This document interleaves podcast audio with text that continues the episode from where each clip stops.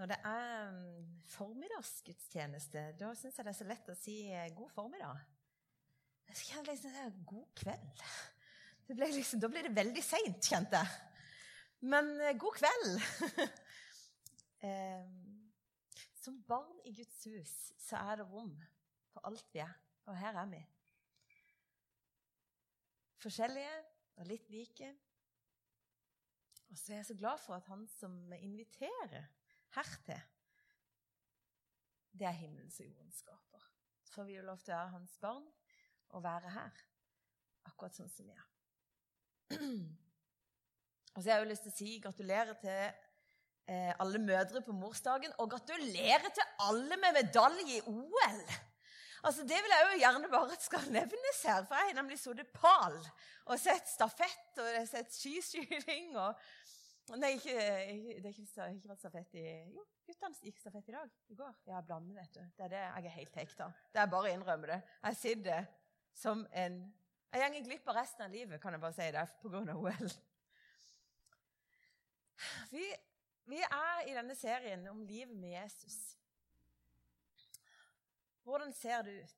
Og For tida har vi et litt sånn oppfokus, om du kan se det for deg. Forrige, gang så snakket, forrige søndag så snakka Bård Forsdal om bønn.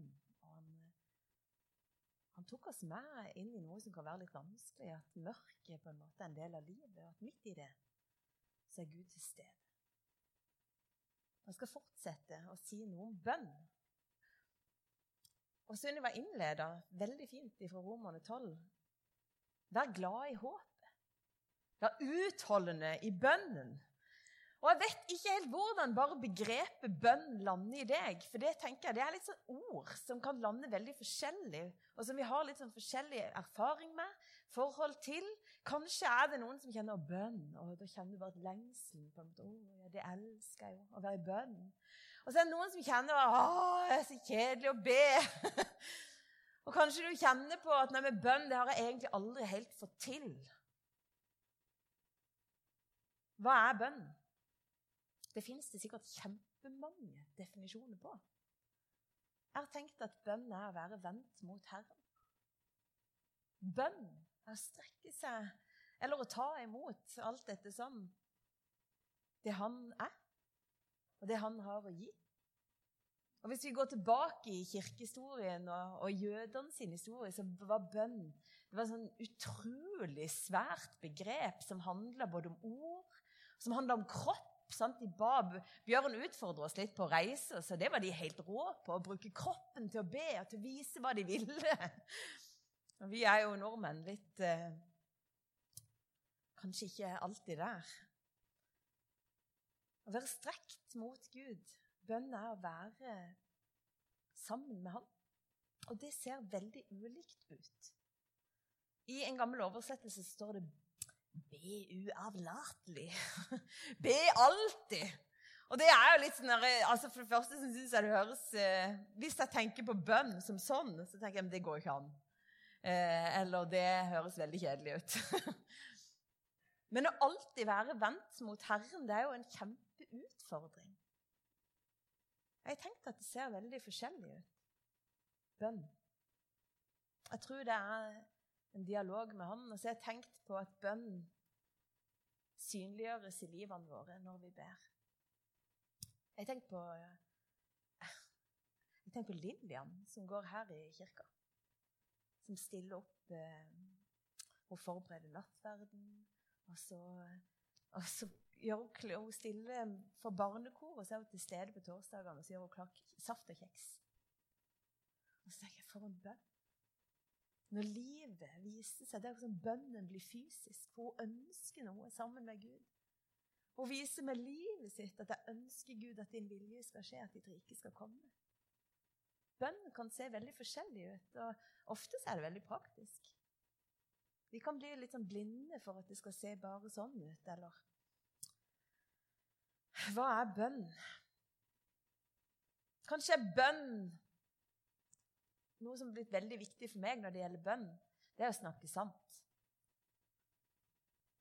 Det gikk opp for meg alt på å si litt for seint. Men, men når jeg var barn og i hvert fall tenåring, så tenkte jeg at bønn så ut på en viss måte. akkurat som Jeg måtte, jeg vet ikke om jeg hadde en sånn oppskrift for hvordan bønn hørtes ut. Men bønn ble, det ble veldig veldig godt for meg når jeg skjønte at bønn er å snakke sant. Å si til Gud hvordan jeg har det. Tenk at jeg kan be til Gud og si hvordan jeg har det. Jeg si, Gud, ah, i dag, Jesus, nå er jeg dritsur. Og så er det en bønn. Fordi at jeg snakker med han og sier hvordan jeg har det. Nå, Jesus, nå er jeg sliten. Jeg syns jeg synes det er vanskelig å forholde meg til Sunniva. Det var jo bare tull.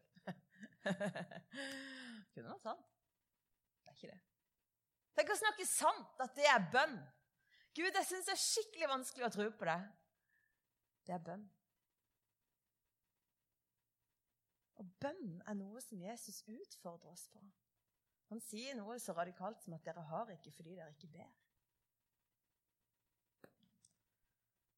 Og bønn er kanskje først og fremst vennskap med Jesus. Og Jesus sier, 'Bli i meg, så blir jeg i dere'. Jeg hørte en gang en utrolig sånn, sterk fortelling om ei dame som, eh, som, hadde stått i et veldig sterkt misjonsarbeid. Eh, jeg kjenner henne ikke sjøl, men ei som heter Elin Fagerbakke, som jeg jobba sammen med før, hun kjenner henne. Eh, og det er hun som har fortalt meg denne historien. For det som skjedde med denne dama, som hadde stått i virkelig sånn, sterke ting med Gud Virkelig sterkt misjonsarbeid. Og gitt, liksom, hadde gitt hele livet sitt for Herren. Hun kom ut for en sykdom som gjør at hun plutselig får en tilstand som gjør at resten av livet sitt, eh, det tilbringer hun som multihandikappa. Og det var veldig mange som syntes synd på henne. Så ber de for henne, og så opplever de at dette er forferdelig urettferdig. Da sier hun noen ord som er blitt stående litt for meg. Så sier hun Før det ba jeg utenfra. Ifra forgården av tempelet og inn mot Gud. Og så sier hun nå, etter at dette skjedde, nå ber jeg innenfra, hos ham og ut. Og det syns jeg var utrolig. Sånn det var noe som utfordrer meg på bønn. Og hvis du tenker at liksom, hva skjer her? Jeg skal komme på et spor som kanskje henger mer sammen. Jeg er på innledende runde. Men jeg hadde lyst til å si dette, for dette utfordrer meg så veldig. For Hun brukte et bilde. I tempelet så var det sånn at de var for forgården, og så strakk de seg inn mot der de aldri slapp til, hvor Gud holdt til, i det aller helligste. Og så bønnen på en måte retta mot det. Og så sier hun noe om at det har skjedd en endring i livet mitt. For før så var det som om jeg sto langt unna. Dette er min tolkning av det hun sier. Hun sier på en måte, jeg sto, jeg sto langt unna, strakk meg inn derifra. Nå har jeg oppdaga at jeg kan være hos ham. Og så kan jeg få lov til å leve ut derifra. Og så sier hun på en måte at, at livet mitt er blitt en bønn.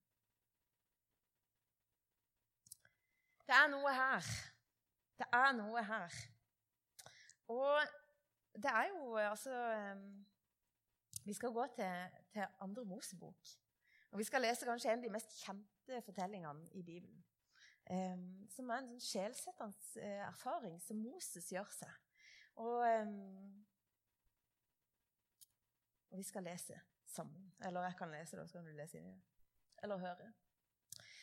Moses gjette småfe til svigerfaren Jetro, presten i Midian. En gang han drev fe over til den andre siden av ørkenen, kom han til Guds fjell, Horeb. Da viste Herrens engel seg for ham i en flammende ild, som slo opp fra en tornebusk. Han så, og se, busken sto i flamme, men den ble ikke fortært av ilden. Og Moses sa, jeg vil gå bort og se dette mektige synet. Hvorfor brenner ikke tornebusken opp? Men da Herren så at han kom bort for å se, ropte Gud til ham fra tornebusken. Moses, Moses! Han svarte, Her er jeg. Og Gud sa, Kom ikke nærmere. Ta skoene av føttene, for stedet du står på, er hellig grunn. Så sa han, Jeg er din fars Gud, Abrahams Gud, Isaks Gud og Jakobs Gud. Da skjulte Moses ansiktet. Han var så redd for å se Gud. Herren sa, 'Jeg har sett mitt folks nød i Egypt' og har hørt skrikene deres under slavedriverne. Jeg kjenner deres smerte. Jeg har steget ned for å fri dem ut av hendene på egypterne og føre dem opp fra dette landet og inn i et godt og vidstrakt land, inn i et land som flyter av melk og honning. Stedet hvor kanoneerne og hetittene, amorittene og persittene, hevittene og jebusittene bor. For nå har skriket fra israelittene nådd meg, og jeg har også sett hvor hardt egypterne undertrykker dem. Gå nå, jeg sender deg til farao. Du skal føre mitt folk, israelittene, ut av Egypt.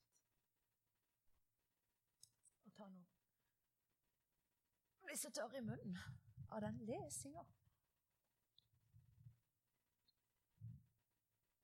Du, Vi har med Moses å gjøre. Han er kanskje den mest kjente skikkelsen, og dette skjer med han. Kanskje kjenner du historien, det regner egentlig med at mange gjør. Men eh, hvis ikke du har hørt om så er det en recap. Moses er hebreer, det som senere blir kalt for israelitt. Han vokser opp i Egypt under, i fangenskap. Det er eh, sånn at eh, farao vil ta livet av alle barna. Moses blir lagt i kurv, og så blir han funnet av faraos datter, og så vokser han opp. Dels som hebreer, eller israelitt om du vil, og dels som egentlig faraos stesønn. Eller stebarnebarn, blir det jo. Hans sine føtter de har altså løpt i farao sine haller. Og de har løpt i hebreerne sine ringeboliger. Og På et tidspunkt så blander Moses seg inn i en konflikt hvor eh, det er noen hebreere som blir mishandla. Da tar han livet av et menneske. Han blir en morder. Og føttene hans sine, de bærer han da på flukt langt opp i fjellene. Etter at han har tatt en annen manns liv. Og Når vi kommer inn i historien, så er han bonde. Han er sauebonde, og der jeg kommer fra, der er det mye sauebonde. Og det han egentlig driver med, det han holder på med, det er at han holder på å bringe disse sauene fra den ene plassen til den andre. Det er liksom det, det, som skjer. Jeg vet ikke om det er noen som har vært med på sauesanking noen gang, men det er, liksom, det er noe man gjør. Man, man driver og gjeter sauer fra et sted til et annet. Og så tenkte jeg, mens jeg leste det, så tenkte jeg, jeg lurer på hvordan det er for Moses å være seg sjøl. Altså, vi kom inn i historien et sted hvor han er 80 år. Det har gått noen år. Han har etablert seg oppe i fjellene. Han har gifta seg med ei flott eh, kone, sikkert. Han, er, han, har en svigerfar som er prest. Han har liksom fått til et liv som bonde, da. Og jeg lurer på hvordan det føltes etter å ha vært farao sitt stebarnebarn og en del av en flokk med hebreere som levde i et slags sånn forventning, et håp om Gud. Er det godt når livet blir litt mindre? Er det sånn det har vært for Moses? Eller går han med en følelse av at han egentlig er et sted hvor han ikke burde være, eller at livet ble ikke sånn som han hadde tenkt eller så for seg? Det vet vi jo ikke. Det som skjer mens han holder på å gjete sauene, det er i hvert fall at han plutselig ser en brennende busk. Og når jeg var liten, så tenkte jeg at det var en del av underhistorien med denne. Tenk at det brant en busk! og så lærte jeg da i voksen alder at men det er faktisk ikke så uvanlig. det er visst ikke helt uvanlig at det brenner busker i disse ørkenområdene. Det kan skje. Så det er faktisk noe som var litt sånn der, kanskje en del av hverdagen. Eller i hvert fall noe som ikke var så sjeldent i livene sine. At de, mens de holdt på å gjete buskap, så var det plutselig noen brennende busker. Hva er det som er så unikt med denne busken her? Det står det at Moses ser at han brenner ikke opp. Denne busken brenner ikke opp. Og Det er bare en sånn utrolig sånn merkelig sak som drar han litt nærmere. Her er det noe som gjør at han, at han går nærmere. Og så har jeg tenkt på det at nei, men sånn er det den evige ilden. Det er et symbol på evigheten. Når Gud viser seg for Moses, så kommer han i en brennende busk som ikke, som ikke slokker. Som brenner seg sjøl. Gud er, han, han, er, han oppholder seg sjøl. Det er ikke du som skal holde han oppe. Gud holder på å brenne hele tida. Han er brennende ivrig, brennende til stede. Han er kraftfull hele tida. Det brenner ikke opp det som er evig, som er fra Gud. Og nå er han til stede midt i Moses sin hverdag. Har du tenkt på det?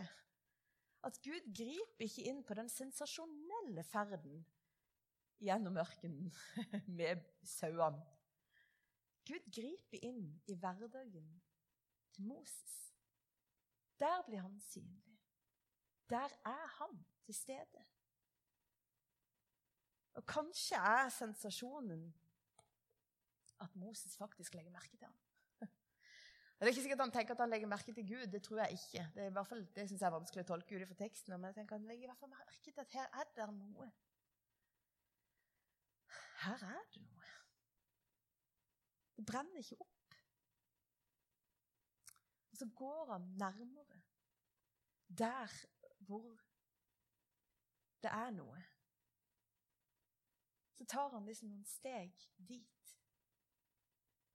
Og så ser jeg for meg at på avstand så kunne jeg sett Nå ser jeg faktisk jeg ser jo ikke dere, for dere ser jo her, men jeg ser på et lite telys som brenner i en liten uh, syltetøyglass.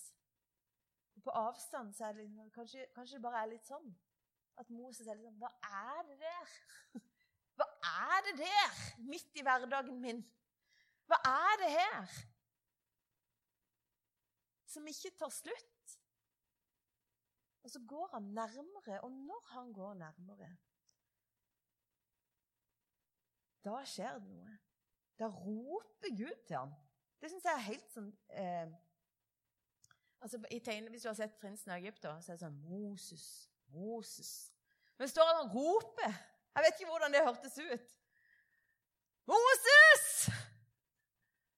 Jeg vet ikke. Eller er det bare sånn da Moses. I hvert fall så snakker han. Plutselig så er det sånn, han går nærmere, han trør ut. Han, hvor lar han sauene være? Jeg vet ikke. Det står det ikke. Men han går i hvert fall han går ikke mot de, han går mot der det brenner. Og så, og så går han dit. Og så plutselig så hører han at her er det noen. Her er Gud til stede. Moses, Moses. Han svarer, 'Her er jeg'. Og Gud sier, 'Kom ikke nærmere. Ta skoene av på føttene.' For stedet du står på, er hellig grunn. Og jeg tenkte tenkt, jeg tenkt mange ganger på, på, det med at Moses må ta av seg på beina.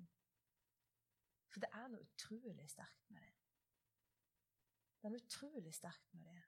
At de føttene som en gang Skjønner du, En gang så var det små babyfødte som ble lagt i ei korg. Et lite barneliv som var med 50% risiko for å drukne. Skjønner du? Der begynner det. Og så blir han funnet og tatt vare på. Og så løper han i vanvittige saler. Vi kan bare se for oss det her faraolivet. Der løper han. Og så er han òg blant israelittene. Og så er det disse føttene som løper av sted når han har tatt et liv. Han har liksom synda så grovt mot et annet menneske og mot Gud. De føttene er det. De føttene er det som er, bærer han når han blir forelska i kona si og gifter seg med henne. Og de føttene er det som går i hverdagslivet og bærer han når han dag ut og dag inn gjeter sauer og strever. Og strever, skjønner du? Det er ikke lett å gjete sauer. Sauer er ekstremt vanskelig å gjete. De er noen det er, ikke, det det er vanskelige dyr, syns jeg. Men, men, skjønner du, det er disse føttene som er til stede her sammen med Gud. Og så skjer det noe. og Det kan være at du lurer på hva, ja, hva handler ikke om dette om bønn. Jo, det er akkurat det det gjør. For i møte med Gud så sier Gud, ta av deg skoene. Møt meg sånn som du er. Ta, ta, av det. Det er som om vi er tilbake på det at kroppen kan be. Da, at vi viser med hele kroppen hva vi vil så er det det som skjer her. For han tar av seg på beina, og så står han på en måte hud mot hud med Gud. Og så er han til stede med alt det han har båret på. Alt som har vært vanskelig. Kanskje han en gang håpet at den guden som israelittene snakka om, var sann, og så har han kjent at tvilen har ramma ham. Kanskje har han kjent at nei, men dette er blitt for hardt. De føttene de har en sånn vanvittig historie. Så er som om Gud sier til ham, 'Kom med alt det du er'. Hele vekten av deg. Kom med hele deg. For jeg er til stede med hele meg. Stedet du står på, er hellig. Hvem er hellig? Gud er hellig. Og Det er en invitasjon her for Moses til et liv i bønn. Et liv i sannhet hvor han tar seg på beina og sier, 'Gud, her er han. Jeg er han. Jeg er han.' Og disse beina de bærer vitnesbyrd om hvem jeg er. Slett ikke perfekt. Sliten. Kanskje skuffa over livet. Føler meg misforstått. Og veldig glad for kone. Skjønner du, Det er en sånn balanse, men der står han med hele seg sjøl. Og jeg tenker at der er bønnen. Ta av deg på føttene, Moses. Ta av det som dekker. Ta av det som gjør Som er mellom oss. Hva er bønn? Bønn er å venne seg til Herren i sannhet, tror jeg. Det tror jeg. Det er mange ting. Bønn er mange ting. Men jeg tror at det er et sånn vanvittig veiledning i denne historien, som egentlig er begynnelsen på Israels historie, de som blir på en måte stadfesta som Guds folk midt i ørkenen etter at Moses har ført dem ut fra Egypt. Begynnelsen er på en måte der i Moses sin fortelling, hvor han bare må være sammen med Gud. Og hvor er det dette skjer? Jo, det skjer midt i dagen til Moses. I hverdagen hans. sin. Mens han holder på med noen greier. Han holder på med noe. Det kan være at en gang så tenkte Moses om seg sjøl at jeg er jo privilegert. Jeg er både sted, til, det var stebarnebarnet til farao. Det gir meg masse privilegier. I tillegg er jeg hebreer. Kanskje hadde han en sånn tanke om at jeg skal være redning. Jeg har jo masse privilegier. Jeg skal jammen redde folket. Jeg skal jammen, Kanskje er det det han prøver på når han en gang griper inn, da, når hebreerne blir mishandla. Kanskje er det et sånt fattig forsøk på å være en slags frelser for det folket. da. At han har prøvd å være leder, og så gikk det ikke så bra. Nå er han på en måte blitt, nå er livet blitt forminska. Livet er blitt han er, vet ikke, han er sauebonde. Kanskje hadde han som ung en eller annen idé om hvordan livet skulle se ut, men nå er han sauebonde, og midt i hans hverdag så er Gud til stede. Og ut ifra det livet han har, så skjer det noe. Og vi vet ikke hvor lenge han står barbeint hos Gud. Vi har bare fått noen sånn bruddstykker av den historien der. Hvor lenge står han der og er ærlig? og snakker sånn. Hvor lenge Jeg har fortalt til konfirmantene om en gang jeg, skulle utfordre Gud, da. For det, altså, det, er jo litt sånn der, kanskje som tenåring så har eh, man og Kanskje er det sånn jevnt over igjen hele livet, så tenker man kanskje at Gud tåler meg sikkert ikke når Hvis han hadde visst alt om meg, så er det jo det at han gjør det. Men, men eh, når jeg var 20 år, så gikk jeg på en bibelskole. Og, og jeg hadde sånn ambivalent forhold til at jeg gikk på den bibelskolen. Fordi at jeg Jeg vet ikke, jeg var delt. Har du hatt den opplevelsen noen ganger? Å føle deg delt på hva du vil, og hvordan du har lyst til å være? Hva du vil at livet skal inneholde? Eller føler du deg dra å føle seg dratt i to retninger? Sånn var det for meg. da. Jeg var hun som smugrøykte når de andre hadde gym. Skjønner? Jeg, var, jeg skulka som regel hvis det var noe jeg ikke ville. Jeg var ikke så god på å være flink. Og På den ene sida var jeg litt fornøyd med det, og på den andre sida hadde jeg forferdelig dårlig samvittighet. For de andre var jo så akkurat, var liksom, som de fikk til dette her kristenlivet litt godt. da. Og jeg kjente meg veldig ofte delt. Og så, Jeg husker ikke hvem som hadde preika på den. Jeg husker ikke hva temaet var i gang, men jeg husker at det var rett før helga. Det var noen som hadde snakka om det å komme til Gud med hele seg sjøl. Og så satt jeg meg i den hvite golfen som jeg hadde, og, og, eh, og, og tent, altså, kjørte fra Flekkerøya og hjem til mamma di var det jeg skulle. Det tar ca. 1 time og 40 minutter. Eh, og eh, satte meg i bilen, tente opp en sigg og sa jeg vel, Gud, hvis du og meg skal ha noe med hverandre å gjøre, så skal du få høre. Og ifra Flekkerøya og til Lyngdal, som kanskje er ti mil, så satt jeg nirøykte, drakk kaffe og snakka til Gud om alt. Og jeg tenkte nå skal jeg ikke holde noen ting tilbake. Nå skal du få høre alt jeg syns er vanskelig med deg. Nå skal du få høre alt jeg syns er flaut om meg. Nå skal du få høre det jeg ikke klarer å tro på. Nå skal du få høre det som jeg syns er helt fantastisk. Nå skal du få... Og jeg bare, vet du hva, jeg snakka i ett sett, og jeg snakka høyt. Jeg ba høyt med ordene mine. Bare, blablabla, jeg bare, mens jeg Skjønner du, det var helt Jeg, jeg, jeg slutta å røyke, ta det helt med ro. Men, men, skjønner du, jeg var helt sånn der Jeg bare tenkte, Gud, hvis vi skal ha noe med hverandre å gjøre Hvis jeg skal orke et liv vendt mot deg Men da må du faktisk her, Nå skal du få alt servert. Og så får disse sitt. Skjønner du? Take it or leave it. Når jeg kom til Lyngdal, da, det var det en halvtime igjen å kjøre Da skjedde det noe inni meg. Plutselig var det et eller annet som bare brast. Akkurat som jeg plutselig ble.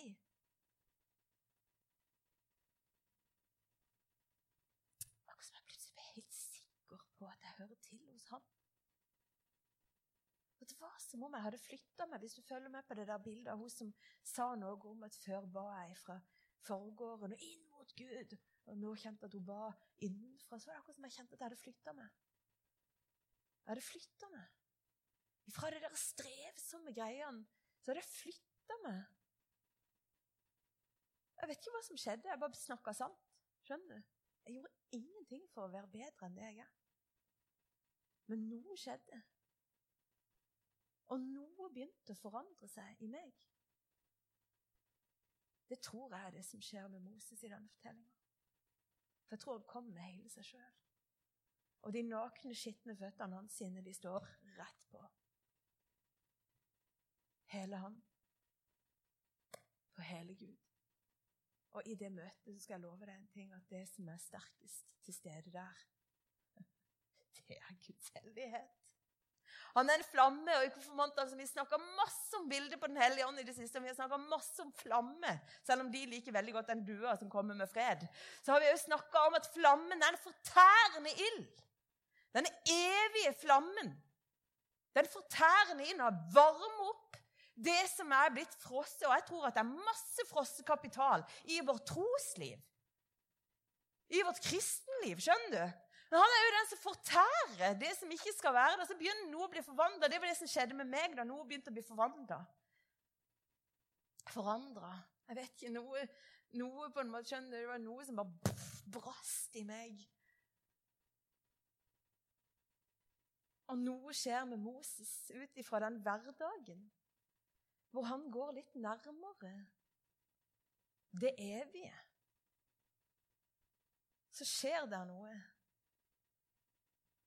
Og Kanskje er det den samme erfaringa han fikk, at jøss, jeg er tålt av Gud. Jeg hører til hos ham. Jeg er ikke lenger en sånn israelitt som strekker meg utenfra. Nei, jeg er hos Gud. Han hadde ikke gjort noe for å forbedre seg sjøl. Han, han, hadde ikke gått og liksom bedt om unnskyldning for at han tok livet av noen. Det var ikke sånn alt, Han hadde ikke rydda opp på forhånd. skjønner du? Det skjer noe når han er hos Gud. Og så vet vi ikke hvor lenge det møtet varer, men det vi vet at det møtet det bare fører ikke til forvandling bare for han. Det fører til en forvandling for et helt folk. For Gud sier 'jeg har hørt skriket'. Jeg har hørt ropet. Jeg har sett smerten. Jeg har sett smerten, og så er det, Gud, det er ikke bare Moses som blir hørt, men Gud blir også hørt av Moses. Plutselig kan han høre Guds stemme. Plutselig får han del i Guds tanker, han får del i Guds hjerte. Plutselig får han del i det som ligger på Gud, sitt innerste ønske og det å sette mennesket i frihet. Og så får han en invitasjon til å ta del i det. Og så lever han resten av livet sitt i bønn.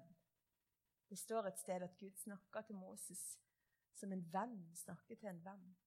De hadde et vennskap. Moses levde resten av livet i vennskapet. Sånn tror jeg at et liv i bønn ser ut. Et liv i vennskap med Gud. Og så tror jeg at rekkefølgen spiller en rolle. Å komme helt sånn ærlig. Sånn er det, Gud. Sånn er jeg.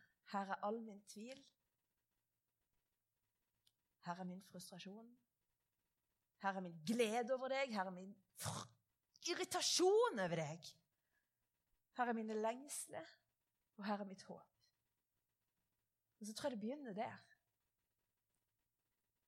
Der tror jeg det begynner. Og så tror jeg at gleden er at det er Gud som forandrer, forandrer og forvandle.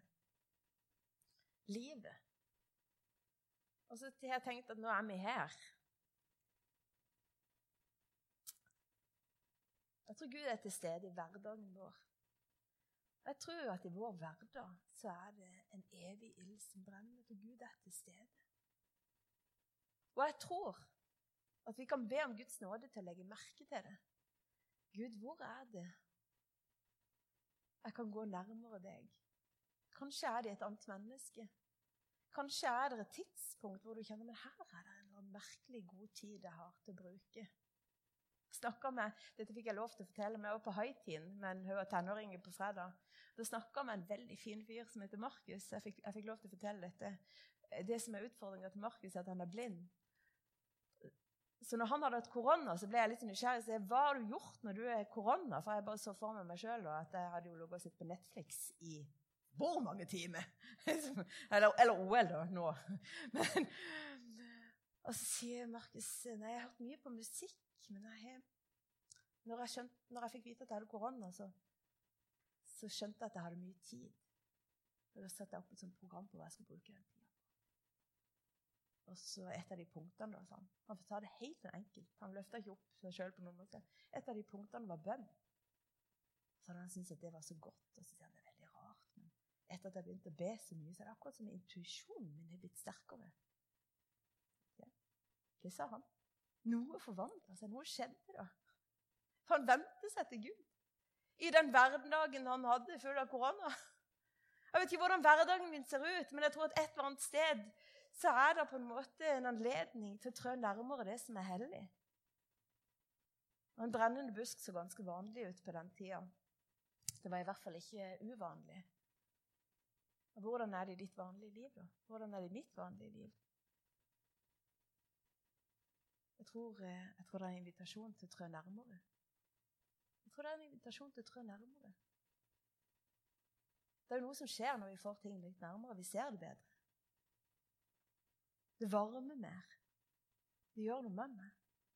Jeg tror det er en invitasjon, og så tror jeg at det er en veldig konkret invitasjon til å ta seg på beina og snakke sant med Gud. Og nå skal vi ha nattverden.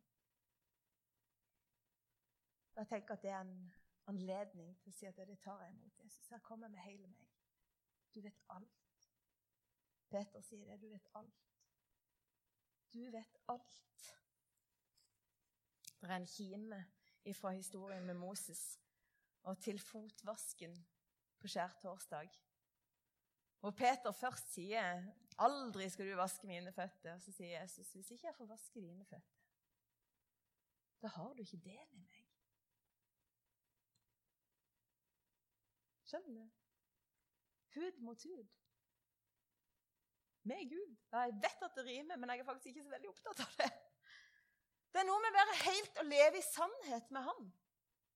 Og det er det samme. Tenk at Moses måtte komme hud mot hud og gi Hud, hud. Hud mot hud! Der! I fjellet. Og Peter må faktisk komme med sine føtter og bli berørt av Han som er hellig. For hvis ikke så får han ikke del i han. Og hva var det vi begynte med? Jo, Jesus sier, 'Bli meg'. Ha del i meg. Ha del i det jeg har, det evige livet, det kraftfulle livet, det livet som gir mening, det som har retning i seg. Det som veller over av liv. Hvis du skal ha del i det, må jeg få lov til å vaske beina mine. Jeg ber en bønn. Jesus, jeg har lyst til å takke deg for at du har lyst til det. her. Du tåler alt vi er. Du tåler alt er. Og takk, Herre, for vi er ikke på avstand fra deg, Herre. Vi er plassert hos deg, og du er plassert i oss, Herre.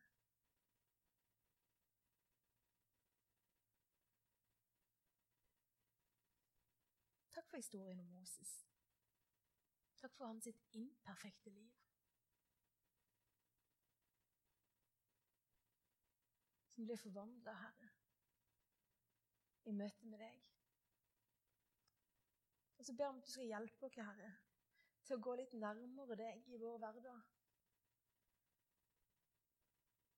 Til snu blikket, Herre, mot det som er evig, du som er den som ilden, Helligånd, du som aldri brenner opp, men som alltid har ny varme å gi til vår tro og til våre liv. Til våre relasjoner. Du som alltid er til stede.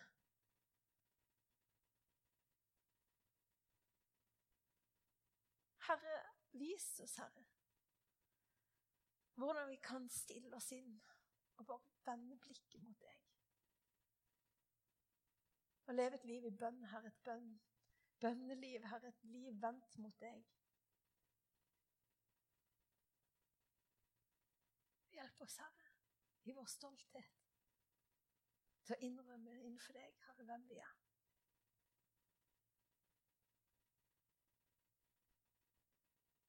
Takk at du er til stede, og du vil forvandle, Herre. Så vil du la oss ta del i deg, Herre. Vi får lov til å ta del i deg. Vi får lov til å være greinene på ditt tre og bære frukt som vare. Takk for at det kallet du ga til Moses, Herre, det kallet får vi lov til å føre videre, Herre. Vi får lov til å være med på det som ligger på ditt hjerte.